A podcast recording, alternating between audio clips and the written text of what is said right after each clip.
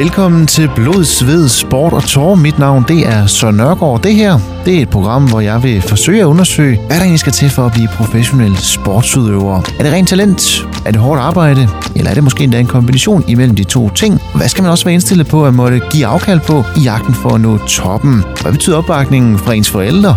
Eller måske endda mangel på samme? Det er bare nogle af de spørgsmål, som jeg gerne vil forsøge at blive lidt klogere på, og derfor så får jeg hver uge en aktiv sportsudøver som gæst. Og i den her uge, der er gæsten 29 år gammel, er på landsholdet i mountainbike orientering og har vundet flere medaljer både nationalt og internationalt. Hun er verdensmester i stafet 2021, har også vundet en VM sølvmedalje i to dage i 2012, EM bronze for hold, og ja, så er der også meget andet, som jeg kan putte på dig. Cecilie Kristoffersen, det er dig, der er dagens gæst. Velkommen til, og tak fordi du gerne vil være med. Jo, tak skal du have. Og Cecilie... Tror jeg at få lov til at være med.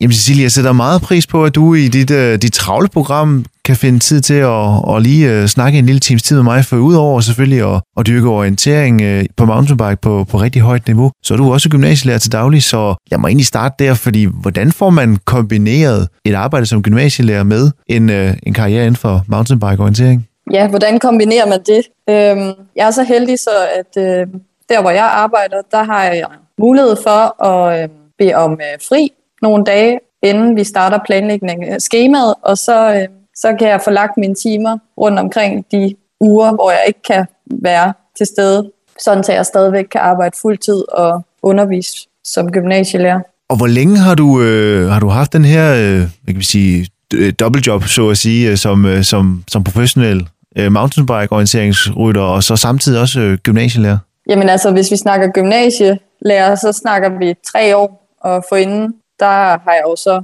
gået på universitetet og stadigvæk dyrket mountainbike-orientering ved siden af. Og før det gik jeg i gymnasiet, og faktisk helt tilbage på efterskolen begyndte jeg at være elitesportsudøver. Så for mig har det været en livsstil og en, en ting, der bare var normalt at få struktureret sin hverdag efter, hvad, hvad der lige gav mening, og hvordan jeg kunne få det hele til at løbe rundt. Og det er jo en rejse, som vi kommer til at, at snakke meget mere om den næste times tid, men du er faktisk også lige kommet hjem øh, fra et, øh, fra et stævne i, i Tjekkiet her i weekenden. Øh, hvordan gik det? Jamen altså, jeg var i, afsted i Tjekkiet, og vi kørte tjekkiske mesterskaber, altså deres nationale mesterskaber, og der vandt jeg, eller der vandt jeg langdistancen om søndagen med stor marken, hele 5 minutter, og om lørdagen bliver jeg toer og har nogle små fejl, men en er et minut og 10 sekunder efter vinderen. Så alt i alt en rigtig god weekend. Det må man sige. Og det er jo, tænker jeg, resultat af selvfølgelig rigtig hårdt arbejde, ikke bare her i 2021, men som du siger, den rejse, du har været på, den livsstil, du har haft i, i rigtig mange år. Og lad os da bare springe øh, en masse år tilbage i tiden, lyder det jo til, fordi hvornår begyndte du øh, på mountainbike? I første omgang, jeg tænker mountainbike-orientering, det er måske kommet sådan lidt efterfølgende, men det der med at køre mountainbike, hvornår, hvornår, hvornår startede det? Jamen altså, jeg har faktisk taget den den anden vej rundt, fordi at jeg startede med at løbe orienteringsløb som 8-årig, og har ja, så løbet orienteringsløb indtil jeg var 20. Øhm, det var først omkring 15 års alderen, at jeg begyndte at kvalificere mig til at kunne komme på det, vi kalder U16-landsholdet, som ikke eksisterer længere, men kvalificere sig til at være med på landsholdet. Og der begyndte jeg at interessere mig for orienteringsløb og hvad det var, og synes, det var fedt. Det synes jeg også for inden, men det blev endnu mere en interesse, jeg havde lyst til at gå fuldt ind i og commit mig til. Øhm, og så, ja, så har jeg været på efterskole, hvor man jo også dyrkede orienteringsløb, og brugt det, men der stiftede jeg så faktisk for første gang øh, kendt, eller jeg stiftede bekendtskab med mountainbike-orientering der, og øh, var ude og prøve det, og synes også, det var sjovt, og begyndte så at dyrke øh, mountainbike-orientering ved siden af at løbe orienteringsløb. Nu er det sådan, at orienteringsløb det er en sport, der er ret hård for øh, hele kroppen og øh, anklerne, så jeg havde ret meget problemer med ankelskader, og synes, det gav mere og mere mening at bevæge mig over på cyklen i stedet. Så øh, ja, allerede i 2011 begynder jeg at være på øh, landsholdet i mountainbike-orientering, og har så været det siden. Øh, så det var lidt starten til, hvordan jeg kom ind i i hvert fald den her sportsgren. Men så lad mig høre i første omgang øh, almindelige orienteringsløb, eller sige almindelig, almindelig i den forstand, at man ikke er på cyklen, men man, man løber rundt øh, orienteringsløb. Hvordan, hvordan kom du ind i det miljø? Fordi igen, det er jo, det er jo som siger, det er noget, vi, vi alle måske har prøvet i, i, igennem vores skoletid, men det at dyrke det ved siden af. Hvordan, hvordan opstod den interesse? Jamen altså, øh, det er sådan, så jeg har en mor, der godt kan lide at være fysisk aktiv, og hun løb rigtig meget på landevejen. Men hun synes simpelthen, det var så kedeligt at løbe på landevejen. Og øh, det er bare at løbe ud af en landevej og ikke foretage sig noget, det, det kan godt være ret hårdt, tænker jeg også. Øh, og det synes jeg også. Øhm, og så øh, startede hun på orienteringsløb ude i Svendborg Orienteringsklub, og øh, der trækker hun så også med som, øh, som børn, og ja, så begyndte vi bare at få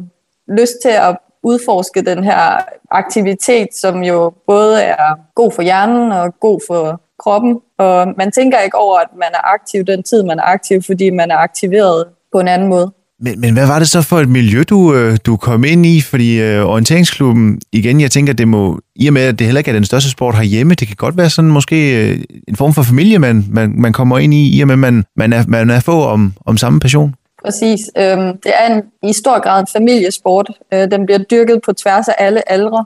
Øhm, men der, da jeg startede, der var vi faktisk ret mange unge på min alder. Og, og det tror jeg også drev værket lidt, at der var noget socialt, og man kom ud og hyggede sig med andre, selvom man stadigvæk dyrkede sporten alene, når man var i skoven. Ja, fordi kan du ikke fortælle mig lidt mere om altså, dit, øh, dit flair for, for orientering? Det er jo noget med at, at læse kort og så øh, ud til forskellige poster og så videre. Hvordan, hvordan, var, hvordan var dit flere for det i, i de unge år? Jamen altså, i og med at jeg startede så tidligt, så, så starter man med at løbe på stierne, og øhm, bare det at kunne retvende kortet og finde vej, øhm, fra post til post, når man løber på stier. Og så blev det så mere og mere teknisk, jo ældre man bliver, og øhm, så kommer man ind i skoven og skal lære at tage de her kompaskurser, øhm, hvor man skal kunne finde fra post til post ved det, man læser, øh, som kurver og øh, grøfter og forskellige tætheder. Øh, og der var min stærke side faktisk øh, de her kompaskurser, og ikke fysikken, men mere det at kunne finde vej igennem meget kringlede terrænger, såsom klitplantager og snoede træer og den slags. Men gav det der så også øh, allerede i en ung alder en eller anden form for, man kan sige, en fordel, og måske også øh, et, ekstra, et ekstra drive, at du som siger, det fysiske var måske der, du brillerede mest, men så havde du de her andre kundskaber i form af, af kortlæsning og, og, og, og kompas? Men altså, det gjorde jo, at man kan sige, at, at orienteringen, når den er på plads, så er det jo kun fysikken, der kan ændre på det, og det det gav afkald, når det så var, der var nogle rigtig tekniske baner, vi løb til, til DM, og, og så så man jo, at ens potentiale, eller at man faktisk godt kunne placere sig godt, selvom man måske ikke fysisk var så godt med. Og så det her med, at du havde din, øh, din familie, i hvert fald din mor, og nu ved jeg ikke, hvor meget resten af familien de, de fulgte med også, men, men at du havde i hvert fald hende og, og, og kunne dyrke den her sport med, hvad, gav, hvad gjorde det også for dig? Jamen altså, det gjorde rigtig meget, fordi at orienteringsløb er ikke bare en sport, øh, du kan dyrke hjemme i din egen hjemby. Du tager altid ud til stævner, andre skove i nærheden. Du, du er altid afhængig af en bil. Så jeg har altid været vant til at tage afsted sammen med min familie, altså min mor og far, og min søster dyrkede også orienteringsløb i, i hendes unge år. Øhm, og så tog vi ud sammen og havde sådan en dag på en stævneplads, hvor vi alle sammen skulle løbe et løb, og vi havde det sjovt, og vi kunne være sociale med vores venner ude til løbet, og det kunne godt være, at man snakkede før løbet og efter løbet, men i løbet, så var man jo så fokuseret på sig selv, men man havde ligesom alle de her venskaber, der gjorde det var sjovt at være afsted. Så det betød meget at kunne tage familien med. Men betyder det så også, at der er blevet snakket meget øh, orientering hjemme, øh, hjemme i din familie i, i de unge år, i og med at interessen så også bare er blevet større og større? Det gør det jo helt sikkert, men der har aldrig sådan, som sådan været et pres på skuldrene fra mine forældre om, at, at det var meningen, at jeg skulle være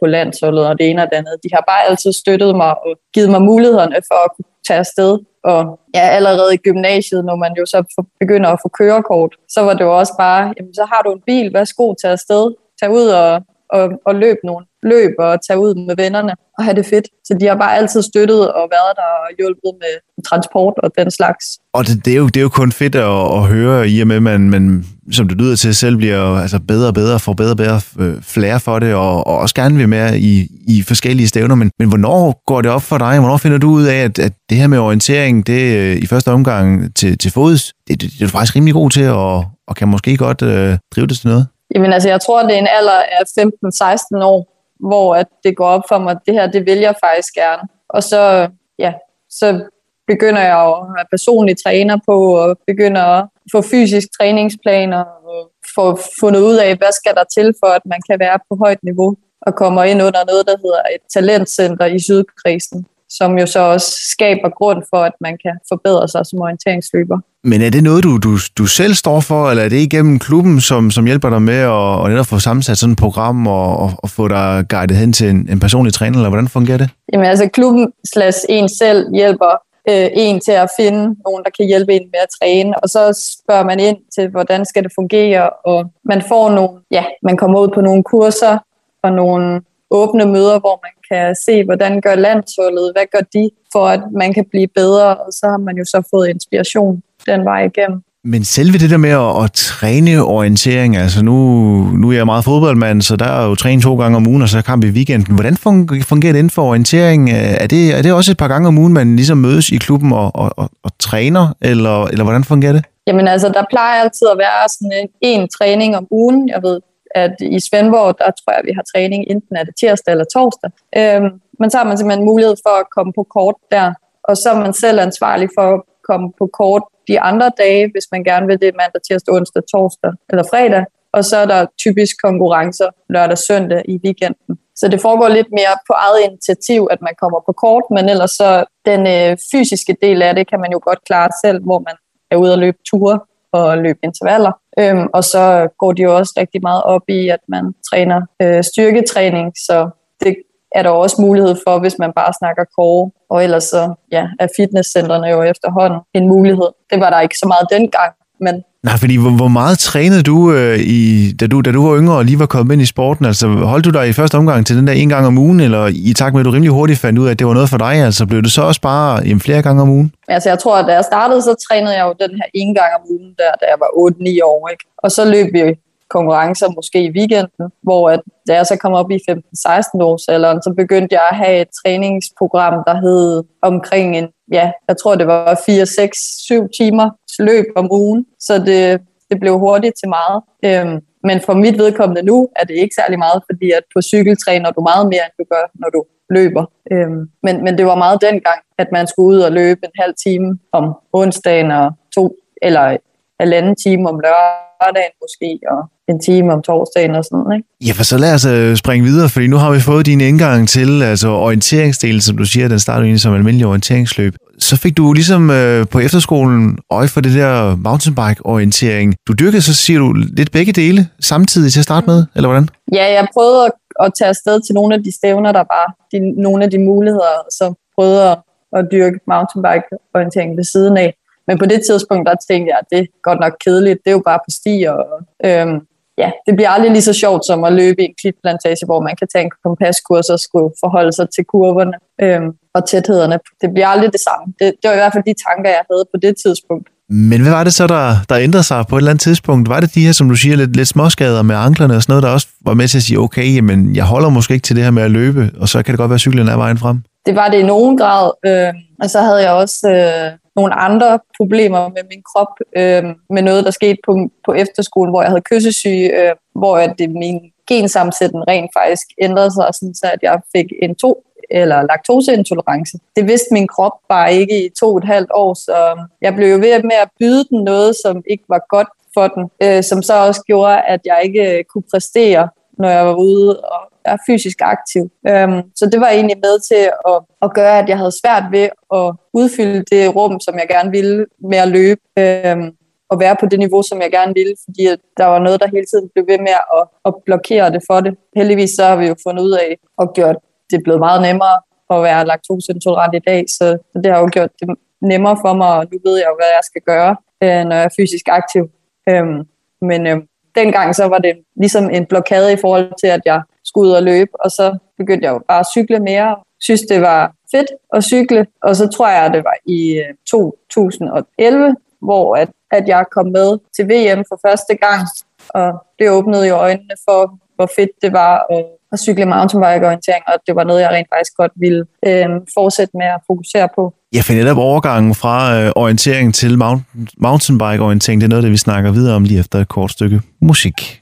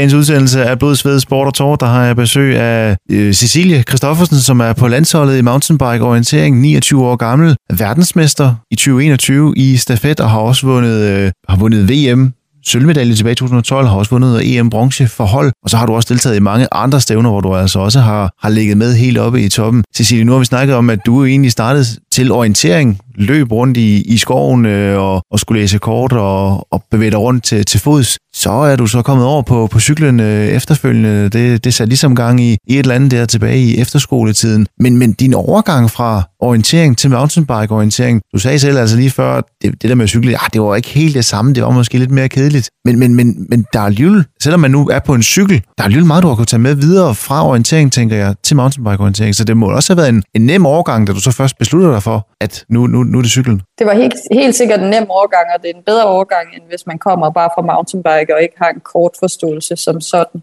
Øhm, fordi at hvis du har en forståelse for terrænet og for kurverne, og du kan se, hvad passerer du på din vej, når du finder fra post 1 til 2 eller fra A til B på en bane, så har du et meget bedre udgangspunkt, når du kommer som orienteringsløber over på mountainbiken. Så det, der var udfordringen for mig, det var, at, at jeg skulle lære den her cykel at kende, jeg skulle lære at køre på cyklen og, og finde vej på cyklen med en kortplade på styret, så du faktisk ikke er i stand til at se, hvor dit forhjul det kører hen. Øhm, så den, øh, den tekniske del af, af mountainbike-delen, den, øh, den var en større udfordring, end orienteringen var. Ja, fordi hvor, hvor svært var det for dig, som var vant til at, at kunne løbe rundt i skoven, og som på den måde kende terrænet? Nu, nu, nu gav det jo lidt andre udfordringer. Hvor, hvor lang tid tog det at, at lære? Det har taget lang tid. Altså, jeg tror stadigvæk, jeg er ved at udvikle mine øh, mountainbike-kundskaber, og der er altid noget, der kan udfordre en i større og større grad. Øhm, men, men teknikken er helt klart, øh, ja,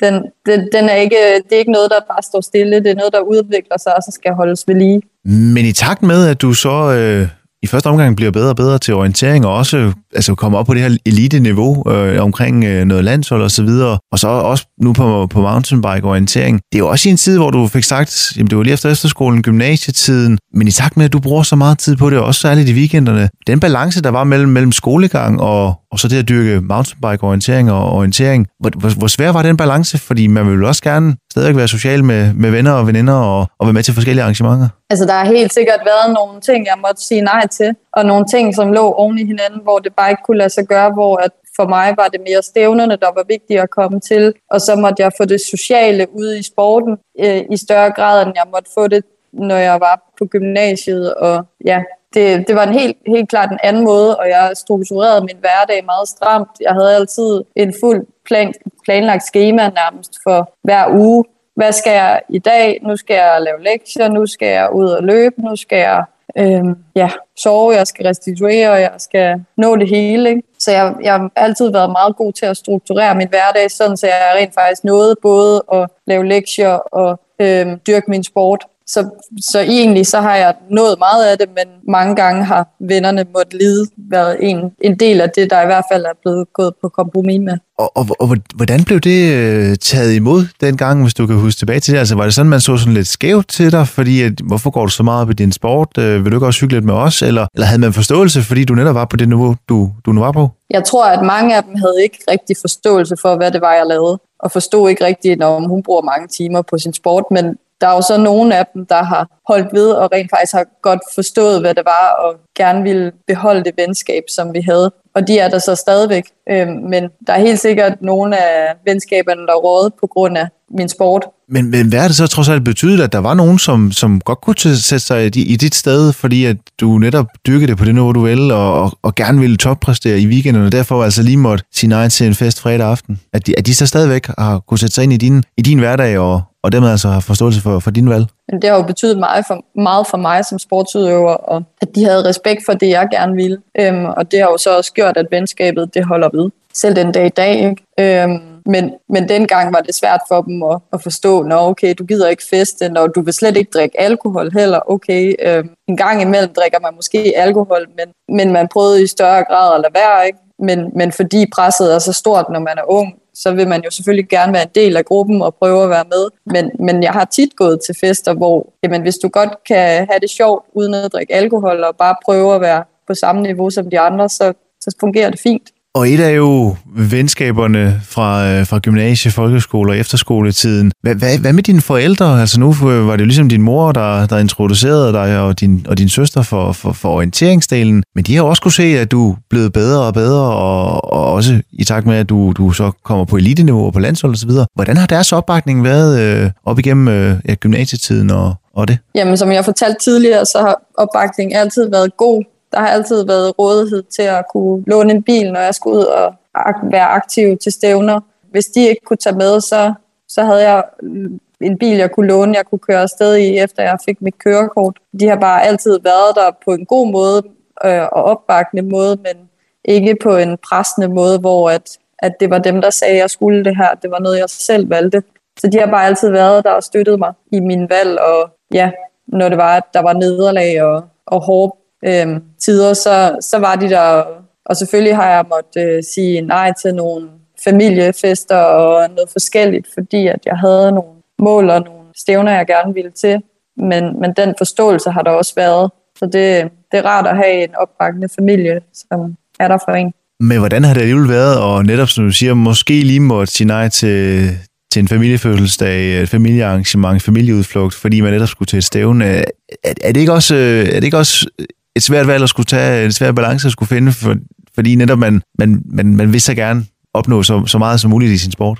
Jo, altså jeg har tit stået i den situation, at jeg har haft tre forskellige muligheder i en weekend, at jeg kunne vælge imellem. Og så har man nogle gange sammensat det, sådan så at man har gjort lidt det ene og lidt det andet og lidt det tredje. Men man ved også bare, at når man ikke committer sig til en af tingene fuldt ud, så får man ikke det bedste ud af det. Øhm, så derfor så har der jo været nogle udfordringer i, hvad skulle man vælge at tage til, og var det det ene eller det andet, og er familien der så også altid, det er de måske ikke, nogle af medlemmerne, eller nogle af ikke medlemmerne, men nogle af ens tætte og nære. Ikke? Så, så nogle gange har man da måske været lidt ked af den beslutning, man har taget, men, men det har jo også bare været det, der var, man var nødt til, eller det har været en nødvendighed i forhold til sporten, fordi at man gerne vil være på det niveau, man er. Men er det måske sådan med årene blevet lidt nemmere at sige, men okay, den der øh, 23-års fødselsdag, eller den der 45-års fødselsdag, den kan jeg godt sige nej til, og så måske sige, jamen okay, de runde fødselsdage, det er så dem, jeg måske prioriterer lidt mere, eller, eller er det stadigvæk svært for dig også den dag i dag, og ah, skulle man måske ligesom lige møde op og være med et par timer, eller ej, jeg må hellere være. Øh, er den balance blevet nemmere i dag? Det, jeg, jeg tror aldrig, det bliver nemmere som sådan, fordi der vil altid være noget, man går på kompromis med, og noget, man ikke altid formår at kunne på samme tid. Øh, men man må bare prøve at, at være der, når man så har mulighed for det. Øh, og når der er plads, så gør det ekstra der. Men er, er det så i sådan nogle situationer, du lige, lige rådfører dig hos, øh, hos øh, forældrene og lige siger, eller prøver at tage dem med på råd, eller, eller er det bare sådan en beslutning, du træffer på egen hånd? Jeg spørger tit, hvad, er, det her, er det her virkelig vigtigt? Vil jeg virkelig gerne have? Og, og selvfølgelig, så, så nogle gange, så må sporten lide, så, så er det altså bare ærgerligt, så må man tage et sted til det her, fordi det er vigtigt, man kommer og andre gange så får sporten lov til at vinde over den familiebegivenhed, der nu er. Og det er jo, som du siger, det, det er jo det svære valg hele tiden, øh, fordi man vil selvfølgelig også gerne have tid til, til det hele, også familie og venner og sådan noget, men, men sporten, når man dyrker den på højt niveau, så skal den jo altså også bare prioriteres. Du tog så efter gymnasiet, så søgte du øh, væk fra Sydfyn, du søgte mod, øh, mod København, øh, skulle overlæse på København Universitet og have der en uddannelse. Jeg tænker, det var vel lidt samme dilemma, der kom øh, i uddannelsen, når man igen bliver en del af, af et studiemiljø, men og så også lige må sige, jeg har altså også lige den her sport, jeg prioriterer ved siden af. Øh. Var det lidt samme billede, der mødte dig der som i, i gymnasiet, eller fordi man var blevet lidt ældre, så var der måske en, en anden forståelse, eller hvordan? Det var meget det samme billede, øh, men også øh, med den uddannelse, jeg har valgt, så, så var det en stor udfordring for mig, fordi at, at vælge at læse idræt, så det første halvandet år på idrætsstudiet, der er du øh, fysisk aktiv 20 timer om ugen, bare på studiet. Øh, og hvis du så skal være fysisk aktiv med din egen sport oveni, så bliver det hurtigt rigtig mange timer, og du skal også nå at læse og øh, blive klar til eksamener og det ene og det andet. Så der var rigtig mange ting, man skulle lære at finde en ny hverdag i, og hvor at sporten ikke fik den samme store plads, som den havde før, fordi der simpelthen ikke var ja, fysisk øh, kapacitet til det. Betød det så, at du øh, faktisk måske nedprioriterede mountainbike-orientering lidt i, i en periode, eller, eller fandt, du, fandt du en balance? Jeg nedprioriterede det ikke som sådan, men min, min øh, aktivitet, øh, det var bare mere alternativ sport, end det var cykling, jeg fik udført, og, og jeg fik nok ikke restitueret i samme grad, som jeg burde, øh, fordi der var en masse nye udfordringer med bolig og ja, transport til studie, og, og få læst og gjort alt det, man skal, når man er studerende. Men alligevel det der med at, at så komme til et nyt miljø, nu hvor du er vant til at træne nede i det sydfynske, nede i, i Svendborg, men, men så kommer du så til København, finder der en klub derovre. Hvordan, hvordan var det at komme ind i, i, i nye omgivelser i, ja, i en anden del af landet over i, i hovedstaden? Jamen altså, til at starte med var det hårdt, fordi at der ikke var en, en klub som sådan, men så fik jeg meldt mig ind i en mountainbike-klub, sådan så jeg fik lært noget øh, mountainbike-teknik og teknik på sporet, og det, øh, det fyldte øh, utrolig meget og var rigtig godt for mig, fordi at vi havde et øh, super øh, kvindemiljø, hvor vi øh, mødtes tirsdag og torsdag og øh, trænede sammen om aftenen fra halv seks til otte. Øhm, og der trænede vi simpelthen øh, fast hver uge, øhm, og på den måde så fik vi sådan ligesom skabt et øh, godt grundlag for, ja, for at kunne holde det niveau og det, ja, den udholdenhed og den fysiske kapacitet på det niveau, som man gerne skulle. Men netop det der med, at du så finder en klub, hvor også niveauet af, af er tilpas højt sammenlignet med der, hvor du selv ligger. Og så vi siger, i, i, det lød også, at der var flere kvinder, som også øh, som, som præsterede rigtig godt. Det der med, at I kunne ligge og, presse hinanden, men også spare hinanden, det har jo også været, været guld værd, tænker jeg. Det har helt sikkert været guld værd, og det er også det, der har holdt mig kørende og har været mit drive til, at jeg har kunne overvinde og, og skulle cykle de her 15-20 timer om ugen øh, i vintermånederne, hvor det har fyldt meget. Men der har det ligesom været dem, der har drevet værket og gjort, at når de er der jo, så vi skal ud og træne, vi skal ud og, og, øh, og presse hinanden, og det har også gjort, at vi har udviklet hinanden på nogle forskellige niveauer, og at vi rent faktisk har løftet hinanden i flok. Og det har jo gjort, at du øh, altså også tager rundt i ikke bare hele landet, men altså også rundt i, i Europa og, og er med i forskellige stævner og også klarer det rigtig godt øh, der, Cecilie. Det er noget, det vi blandt andet snakker videre om lige efter et kort stykke musik. Wow, wow, wow, wow.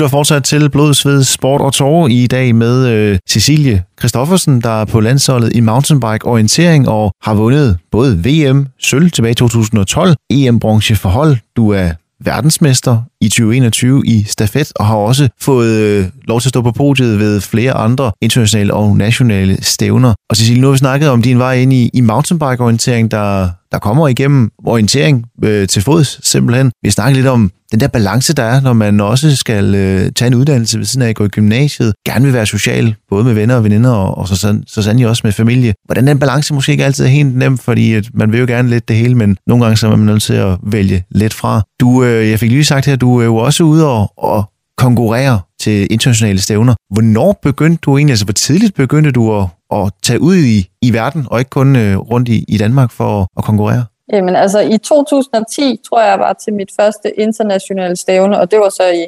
fodorientering, så altså orienteringsløb. Øhm, men så i 2011, der er jeg så til mit første verdensmesterskab i mountainbike orientering. Og øhm, siden 2011 har jeg været til VM hvert år, øhm, så på den måde har jeg været til rigtig mange øhm, udlandske stævner på øh, højt niveau, og øhm, yderligere så har vi også noget, der hedder Europamesterskaberne. Det er så ikke hvert år, men har været hver andet år tidligere hen, men nu er det hvert år. Så det har jeg også deltaget i, og så har vi haft nogle World Cups, som har gjort, at vi har taget ud og været i nogle forskellige lande i Europa. Øhm, men det har mest været øhm, ja, i Europa, at vi har rejst ud og været. Vi skulle have for eksempel været til Rusland i år her, men det er så blevet aflyst på grund af corona, og så er der så et andet land, der har taget over. Så her om tre uger skal jeg for eksempel til Portugal til Europamesterskaberne. Og, og netop det der med at, at komme ud og ikke kun, ja, da du kørte rundt, tog rundt nationalt og blive matchet med, med nogle af de andre bedste herhjemme, men pludselig tage ud og blive matchet internationalt også. Hvad, hvad, hvad, hvad gjorde det ved dig? Øh, både at kunne, nu, nu, kunne blive sammenlignet med, med jer andre, der, der også dyrkede det på højt niveau, men, men fra andre lande også. Var, var, var, blev man overrasket over, hvor, hvor højt niveauet var, eller kunne du egentlig godt være med der i første omgang tilbage i 2011? Altså i 2011, der var jeg overrasket over, at jeg rent faktisk godt kunne være med, øhm, for jeg havde ikke dyrket sporten særlig længe. Så der, der kørte jeg top 15 placeringer hjem til junior VM. Øhm, og øh, næste år, der i 2012, der havde jeg egentlig fokuseret rigtig meget på, at jeg gerne ville til VM i orienteringsløb. Men det blev jeg så ikke udtaget i, og det er grundet, at vi har rigtig, rigtig mange gode orienteringsløbere i min aldersklasse og aldersgruppe, øhm, som var bedre end mig på det tidspunkt. Så de blev udtaget, og jeg blev så ikke udtaget, men jeg prøvede så at omdanne mit fokus på, til at top øhm, til VM i mountainbike i stedet for orientering. Øhm, og det, det lykkedes så rigtig godt der mit sidste juniorår, hvor jeg kørte øh, top seks placeringer alle dage og to medalje med hjem. Ja, for det viser jo også noget om øh, den mentale styrke, du har, at man først får netop sådan et nederlag om ikke at blive udtaget, og så hurtigt kan skifte fokus. Den der mentale del i, i mountainbike-orientering og orienteringsløb generelt, hvor meget, har, hvor meget har det fyldt og fylder det for dig, den mentale del? Det fylder ekstremt meget, fordi hvis ens øh, drive ikke er med en, så, så kan man ikke præstere. Og øh, det ligger man mærke til, hvis man bliver mentalt presset på nogle punkter. Så ens grundlag, altså hele ens bagland, det skal være på plads, når man tager afsted ud og konkurrerer. Det er, det er virkelig vigtigt, at øh, der ikke er nogen problemer, man skal tage med hjemmefra, som, som fylder i hovedet, når man, når man skal være helt skarp og fokusere på kortet og kunne finde vej hurtigst muligt fra A til B. Men, men, men hvordan arbejder du med det mentale? Er det noget øh, meditation? Øh, snakker du med sportspsykologer? Øh, et eller andet? Eller hvordan, hvordan arbejder du med det mentale til daglig? Øhm, det er faktisk ikke så meget, jeg arbejder med det mentale, men til tider så prøver jeg at analysere min løb. Hvad, hvad gik galt? Hvad kan du gøre anderledes? Øhm, hvorfor var det, at du lavede en fejl her? Hvad, hvad gjorde du forkert? Øhm, eller hvad kan du ændre på, sådan, så at du forbedrer dig? Det er helt klart noget, man burde arbejde i større grad med, men det har bare ikke i samme grad øh, fokus som det fysiske, fordi det er bare naturligt, at det tager du ud og udfører, hvor at det mentale, det, det bliver lidt sat i baggrunden, og det glemmer man lidt, at det skal også trænes. Men tror du måske også, det har været en fordel for dig, at du netop ikke har dyrket altså mountainbike-orientering 100%, men at du netop har taget en uddannelse ved siden af, og i dag har et, et job som, som øh, gymnasielærer ved siden af også. Altså du på den måde får noget adspredelse i hverdagen, sådan så det ikke kun er mountainbike-orientering, at du, at du får også noget andet indhold. det giver helt sikkert en kvalitet, at man har noget andet i ens hverdag, der også fylder, og noget andet, der gør en glad. Sådan så, at hvis man har nogle perioder, hvor at det går ikke perfekt med træning, så er der noget andet, der kan holde en oppe. Jeg tror, det er rigtig vigtigt, også fordi at som mountainbike orienteringsrytter, der øh, du kan ikke leve af sporten. Du skal gøre det udelukkende på baggrund af, af din egen interesse, og fordi du synes, det er fedt. Jeg tror, der er et par enkelte russere, der kan leve af det, men det er ikke øh, noget, man vinder flere millioner på. Så, så det skal være udelukkende for at komme ud og, og være, ja, og deltage i stævner udlands og, og komme ud og snakke med alle ens øh, konkurrenter, som egentlig er ens venner. Og øhm, ja, fordi det sociale rent faktisk er til de nationale mesterskaber, fordi at man har skabt nogle venskaber over mange år, øhm, som er venskaber, der er gode, fordi at du du mødes inden du skal konkurrere, og så konkurrerer du, og du er de værste konkurrenter mod hinanden, eller man er i hvert fald konkurrerende mod hinanden, og så bagefter, så kan du stå og snakke, som var det, det bedste venskab igen. Så det er en af kvaliteterne helt sikkert ved mountainbike-orientering. Ja, for det betyder jo også sindssygt meget, at man netop, som du siger, når vi, når vi, når vi kører race, så kører vi race, og så, som du siger, så er vi konkurrenter, men ellers så har vi det godt med hinanden. Hvor meget, hvor meget bruger du, også de internationale ryttere, som du måske har opbygget nogle venskaber til undervejs, øh, hvor meget bruger du dem også i din træning? Altså sparer I meget med hinanden, eller, eller kører man stadigvæk lidt sådan sit eget? Vi sparer rigtig meget med hinanden, øhm, og så som i weekenden her, hvor jeg var afsted i Tjekkiet, så havde jeg skrevet til en af mine, en af de en af mine tjekkiske venner, på det tjekkiske landshold, om jeg kunne komme ned og køre de her konkurrencer, fordi at det kunne jeg godt tænke mig, og hun havde lyst til, at jeg boede hos hende, og vi kunne ses og hygge os. Og ja, så kom hun bare og hentede mig i lufthavnen, og så kørte vi afsted til konkurrencer, og det er fedt, at man har venner på kryds og tværs af alle mulige nationer, som man kan tage ned og besøge, og som bare, ja, vi er der for hinanden, hvis vi har brug for det, og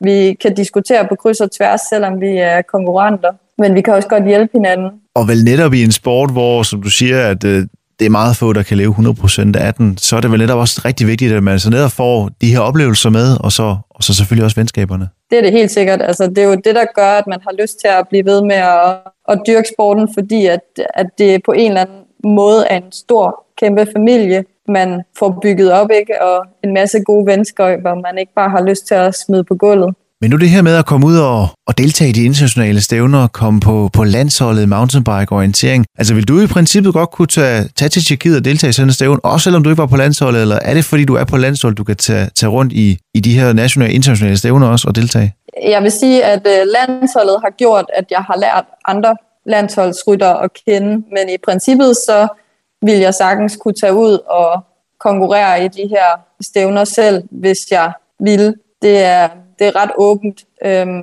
men hvis vi snakker internationalt, så, eller internationalt, hvis vi snakker i hvert fald Europamesterskab og verdensmesterskab, så er der jo nogle krav om, at man skal udtages. Men ellers så er der mulighed for bare at kunne rejse rundt i verden og deltage i de konkurrencer, man har lyst til. Men kan du huske, da du øh, for første gang kom på, på landsholdet i mountainbike-orientering? Det kan jeg sagtens, og det var i Italien der i 2011, og der så man jo rigtig meget op til alle de her øh, ældre ryttere, der var på landsholdet. Ja, fordi hvad, hvad betød det for, for en, en dengang rigtig ung Cecilie, der, der kom på landsholdet, der som siger, kunne se op til de unge og, og lære af de, af de lidt ældre? Øh, det må vel have betydet rigtig meget, også i så unge alder, at, at, at komme indenfor og se, at der var folk, der, der anerkendte det, man, det hårde arbejde, man går og laver til daglig det var jo helt klart interessant, og det var spændende, og det var nye ting. Øhm, så øh, det at se, at, at de præsterede godt, dem der var over en, og at, at sådan ville man også gerne, at man havde nogle, øhm, ja,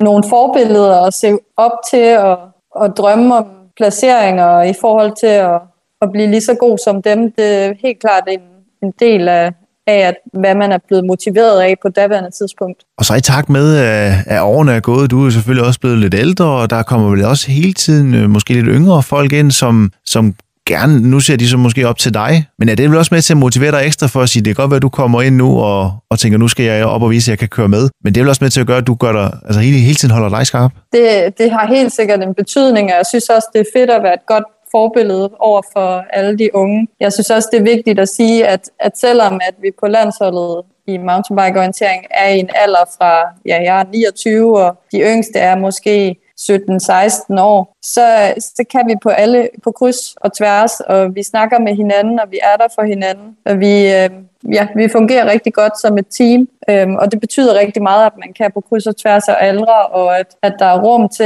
at man er den person, man er, og at man har den alder, man har, og, og at alder, alderen er ikke ja, en hindring for, at man kan på kryds og tværs, men at det rent faktisk var et tal, og at man godt kan sammen. Og du fik jo tidligere sagt, at som mountainbike orienteringsrytter, så du træner måske ikke helt lige så meget, som du gjorde dengang, du, du løb orientering, eller du træner i hvert fald ikke på samme måde. Hvor, hvor, hvor, meget, hvor meget træner du i dag, øh, både på cyklen, men så sandelig også øh, den fysiske del rundt om, øh, som du også siger er en vigtig del af det? Men altså, jeg træner, da jeg løber orienteringsløb, så løber jeg måske 7 timer om ugen, max. Øhm, så på det tidspunkt var det svært at se, hvordan kan jeg nogensinde komme op og træne 10-15 timer på en cykel. Øhm, men i dag, der træner jeg rundt regnet omkring 15-20 timer om ugen, og 15 timer i hvert fald på en cykel. Det kan godt være, at det er på racer nogle af dagene, altså racercykel, og andre dage er det på mountainbike, og nogle dage på en crosscykel. Men øh, så udover det er der jo også øh, noget, der hedder styrketræning, så man træner nogle timer af om ugen. Og så er alt afhængig af, om det er uger, hvor man konkurrerer, eller uger, hvor man bare bygger grundbaser op, så øh, er mængden så sat efter det. Ja, og jeg tænker jo, at den øh, tidligere på året var, var sat rimelig højt, da I skulle, øh, skulle til VM. Kan du lige prøve at tage mig med tilbage til, til det der VM, hvor du vinder guld i, i stafet? Det må have været en helt fantastisk følelse. Det var øh, helt sikkert noget helt specielt, øh, og også øh, min, mit bedste VM personligt. Vi er i Finland, og ja, bare det at komme til Finland og få lov til at komme derop og ikke tage corona med derop og have negativ coronatest, inden man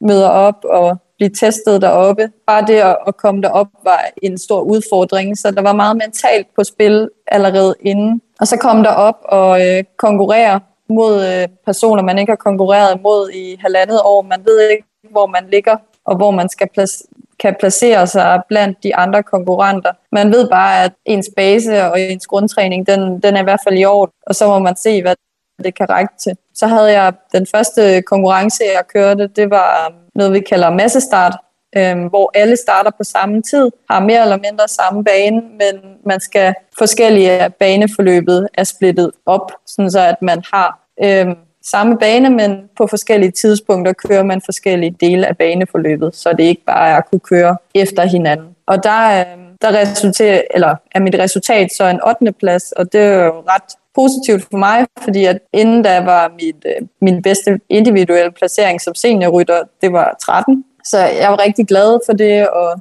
det var rigtig fedt. Og så havde jeg også en øh, god mellemdistance, som vi kalder det, og en øh, god sprint, hvor jeg på de to etapper, eller de to distancer, bliver 12 på begge. Øhm, og så øh, det, jeg havde set allermest op til, det var faktisk langdistancen. Men det er så uheldigt, at øh, jeg får øh, en punktering på langdistancen, hvor jeg egentlig troede, at jeg kunne gøre det bedst muligt. Men øh, hvis man så tager den punktering ud, og er, min, er mit resultat, som egentlig er en top 23, så, øh, så vil jeg være i en placering på en top 10, men mentalt har der jo selvfølgelig også været noget med den her punktering, der har udfordret mit hoved i forhold til at præstere godt. Øhm, men så øh, slutter vi så af om øh, lørdagen med øh, den her holdstafet, hvor vi er tre piger, der skal ud og køre. Jeg starter ud på første tur, og så øh, sender jeg min anden holdrytter ud et øh, minut efter vinderen, eller efter føreren, og øh, hun sender så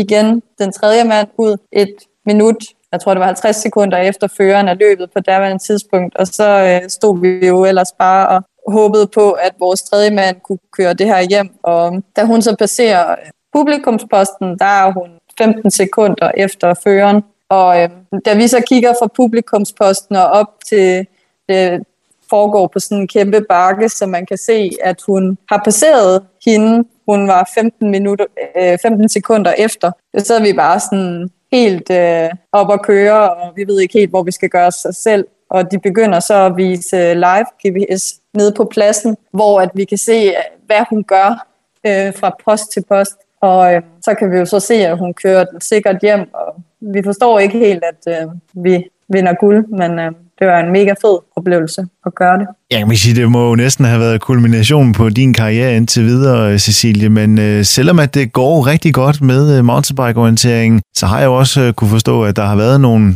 nogle nedture undervejs. Der har været det, der hedder skader, som heller ikke helt kan undgås. Den del snakker vi videre om lige efter et kort stykke musik. Please,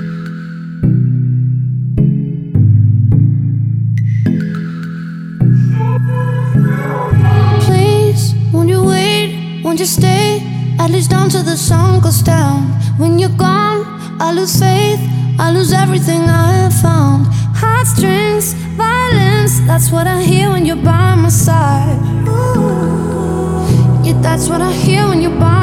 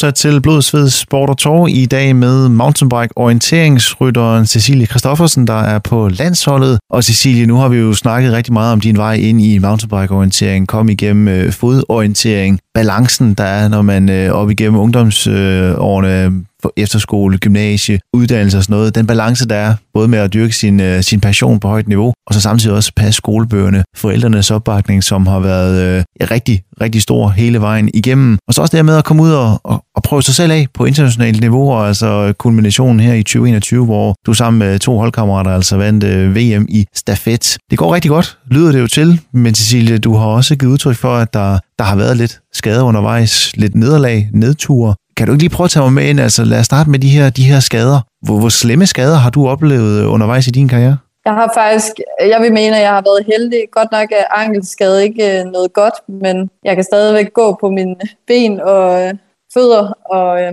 de er så ikke så glade for at løbe orienteringsløb, fordi at lige så snart jeg kigger på en sten, så drikker jeg om, og det gør jeg også, når jeg bare går på gaden. Men det gør ikke, at jeg ikke stadigvæk kan løbe orienteringsløb. Så, men, men det gør bare, at jeg ikke har kunne fortsætte på det niveau med orienteringsløb, jeg i hvert fald gerne vil. Øh, fordi at når jeg taber mine fødder op, så river jeg tapen over med det samme nærmest. Jeg har i cykling har jeg ikke, når jeg har cyklet mountainbike orientering, har jeg faktisk ikke haft de vilde skader. Jeg har haft et styrt, hvor jeg øh, styrtede og øh, knaldede mit knæ ned i øh, frossen jord, hvilket så resulterede i en, et ophævet knæ, og at jeg måtte gå med krykker i to uger. Men det er noget af det værste, jeg har haft 7 i 13, fordi øh, mountainbike er jo egentlig en sport, der er ret farlig. Der er mange, der får jernrystelser og den slags, øh, hvor de bliver sat til flere, øh, ja, sat tilbage på mange punkter, og har meget, de skal genopbygge. Øh, men jeg har egentlig været ret heldig med de her skader, og, sådan, og bare brugt skadesituationerne positivt til at kunne udnytte, at man kunne være social med vennerne, eller ses og være til fest på en anden måde, end når du træner på højt niveau, som jeg har gjort rigtig meget øh, af mit liv. Ja, fordi det er jo dejligt at høre, at du så trods alt har brugt de her skadesperioder, der så har været godt nok øh, kortere perioder, lyder det jo til, men, men at du så har brugt dem positivt. Men jeg tænker alligevel, når, når du nu har været vant til at, at netop træne så meget, som du har, og dyrke det på det niveau, du har, det må lige også have været en, en, en ævelse at netop sige, okay, de næste 14 dage, tre uger, der, der kan jeg bare ikke lave noget. Det, det må lige også have været en lidt svær hurdle at komme over de første par dage i hvert fald. Det er utrolig svært. Øhm, altså jeg har et motto, der hedder, at en dag uden sport er en dag uden mening. Øhm, så, så for mig er en dag uden at være fysisk aktiv, det er en hård dag at komme igennem, fordi det gør faktisk, at jeg kan sove om aftenen, øh, fordi jeg er træt efter fysisk udmattelse, at jeg ikke skal ligge og tænke på at, at falde i søvn. Øhm, det gør rigtig mange gode ting øhm, for mit vedkommende, og at jeg føler mig tilfreds. Jeg, jeg er lige så slem som øh, hvis man var afhængig af at ryge, tror jeg, fordi jeg er bare afhængig af at dyrke sport. Øhm, jeg kan ikke øh, leve uden det, og ja, en uge er svær at, at holde sig væk fra sport i. Det, Ja, for nu siger du så, så har du selvfølgelig været social imens, men, men jeg kan høre på dig også, altså det har alligevel også alligevel været 14 dage også med, med lidt pinsel, fordi du ikke har kunne lave noget. Altså, hvordan, hvordan har du mentalt taklet det? Altså, når man til et punkt, hvor man bare siger, okay, jamen, som du siger, jamen, det, okay, det kan jeg bare ikke lade sig gøre lige nu. Eller er, er det ligesom lidt hver, hver dag, hvor man sådan ligger der på puden om aftenen og tænker, ah, øv, det var endnu en dag, hvor jeg ikke kunne komme ud og, og løbe eller cykle. jeg tror, at man lærer at leve i det, og man lærer at acceptere det med tiden, fordi at det nytter ikke noget at, at, at drømme om det, man ikke kan få lige nu og her. Man bliver nødt til bare at, at se fremad og, og tænke på, hvad, hvad kan så forbedre det? Hvad kan jeg så bruge tiden konstruktivt til nu, i stedet for at tænke på de negative ting, have mere fokus på, hvad, hvad kan jeg få positivt godt ud af den her periode, så når jeg nu ikke kan det, jeg gerne vil. Men Cecilie, du er jo heldigvis kommet videre fra de skadesperioder, der nu har været undervejs i, i din karriere. Forhåbentlig så, øh, så kommer du også helskindet igennem resten af karrieren uden øh, alvorlige styrt. Det, øh, det sætter jeg krydser i hvert fald meget fingre for. Cecilie, nu, øh, nu nærmer vi os jo desværre øh, en time, som er gået. Det vil også sige øh, afslutningen på, på dagens program. Her til sidst så... Øh, jeg kan godt høre, at vi kunne have snakket meget mere omkring øh, mountainbike-orientering. Øh, jeg har i hvert fald flere spørgsmål liggende, men det er jo så kun en anledning til at, at invitere dig ind igen på et, øh, på et senere tidspunkt. Men her til sidst kunne jeg godt tænke mig lige at få med, fordi hvis du nu skulle give et råd videre til, til unge mennesker, som netop er gået i gang med, øh, med mountainbike-orientering eller orientering for den sags skyld, hvad er det bedste råd, du kan give videre til dem, som måske ser op til, til sådan en som dig? Jamen altså, hvor der er vilje, er der vej, ikke? Altså, det handler bare om, hvad man vil opnå, og at, at der er altid der er altid mulighed for at blive god til noget, men, men man skal ikke lade sig gå på af andre, og man skal bare kæmpe for det. Der er, det, der er kun én selv til at, at opnå det, man gerne vil, og, og det skal andre ikke stå i vejen for. Jamen, jeg synes, det er en øh, fantastisk note at slutte af på, Cecilie. Så vil jeg sige øh, mange tak, fordi du vil øh, være med, og så må du have fortsat rigtig meget held og lykke med øh, karrieren. Jo, tak skal du have.